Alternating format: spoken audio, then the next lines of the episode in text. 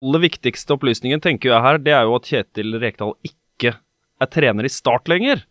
Han er da, så vidt jeg leser pressemeldingen og informasjonen som har kommet ut, ikke sparka. Han er ikke ferdig. Det er en prosess som uh, pågår her. Så klart, eh, for meg umulig å uttale meg om hva de snakker om uh, bak, bak, dørene på Sør Arena, men det er jo en ny situasjon hvor det skaper enda mer uro. Omdømmemessig så kom jo Start veldig dårlig ut her. og at Veldig mange tenker jo sånn at hva er det som skjer i og rundt klubben igjen? Man tenkte jo nå skal få litt ro nå denne sesongen her, og det er nok stress med å klare den soleklare målsettinga fra i år om opprykk, som kommer til å bli kjempevanskelig i år, så kommer det her oppå det igjen. Jeg tenker også sånn rent sportslig så trenger det jo ikke å være Det trenger jo ikke å være krise, rett og slett. Hvorfor ikke det? Nei, fordi det er en del spillere i denne troppen som kanskje ikke har fått en reell sjanse fra fra, fra Kjetil Rekdal. Kan f.eks. trekke frem Kasper Skånes og Aron Sigurdarsson, som ble kjøpt inn som høyprofilerte spillere, som så å si ikke har fått inn noen ting i start. De kan jo fort få en, få en, ny, få en ny, vår her òg, da. Kanskje legge om litt på spillestilen og formasjonen. Det har jo vært uh, diskutert i vinter at det, det, ser jo ikke bra nok ut uh, fremover.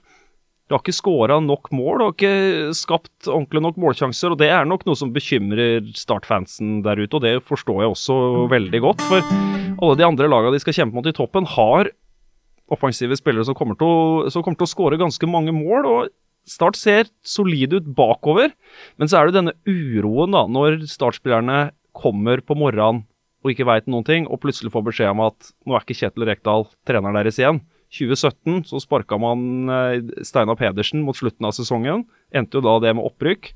Året etter hadde man Mark Dempsey. Han ut etter eh, ti kamper. Mick Priest innimellom der og var midlertidig løsning. og det det blir liksom aldri noen ordentlig rød tråd i den, eh, i den, klubben, og ikke minst også da så skiftes det ut nesten ukentlig, virker det som, på i administrasjonen til Start. Det er nye folk inn, det er nye roller, det er nyoppretta roller. Noen får en annen rolle.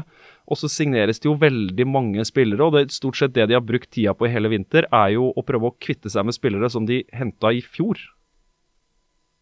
Vi skal kommentere denne saken enda litt nærmere om litt. Kan bare også ta med at Start bekrefter at det er flere enkelthendelser som har ført til personalsaken, og ikke én enkelthendelse. Og jeg kjenner ikke jussen altfor godt rundt arbeidsrett og sånn, men det virker jo som at dette her er sjakkmatt.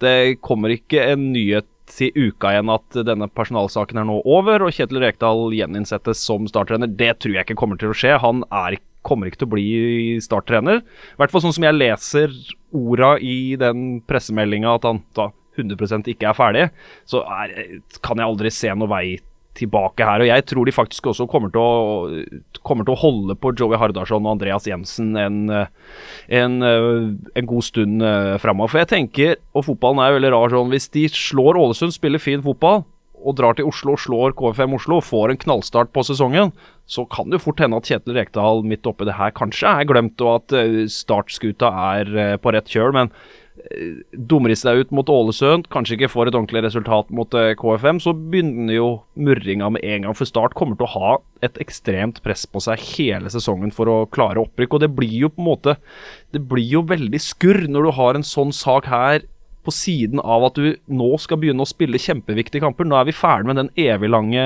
oppkjøringa som det alltid er i, eh, i, norsk fotball. Dette her skaper jo ekstra mye bry òg, og ikke minst sånn som for Kristoffer Langeland og de i Start eh, som holder på med styr og stell, som kanskje har lyst til å holde på med overganger og finansiere kanskje nye spillere inn. Her må man også håndtere en personalsak som eh, nok kommer sikkert til å dra litt ut i tid, eh, vil jeg tro. Det er jo helt på tampen av et overgangsvindu nå. Skal kanskje Start klare å hente inn én eller to nå i løpet av, i løpet av de siste dagene av overgangsvinduet? Det stenger nå på mandag. Det kan også være skjebnesvangert for hvordan det går med Start denne sesongen. For de har råd, vel å merke, til å være i Obos-ligaen neste år.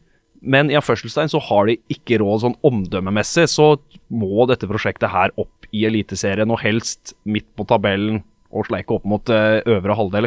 Man kan ikke drive og holde på i Obos-ligaen med å hente spillere til eh, rundt 10 millioner og hente spillere for flere millioner, som de, som de, som de også har gjort. Det samsvarer ikke med å spille i, uh, i Obos-ligaen. De er jo i en særklasse økonomisk i Obos-ligaen forhold til alle de andre klubbene.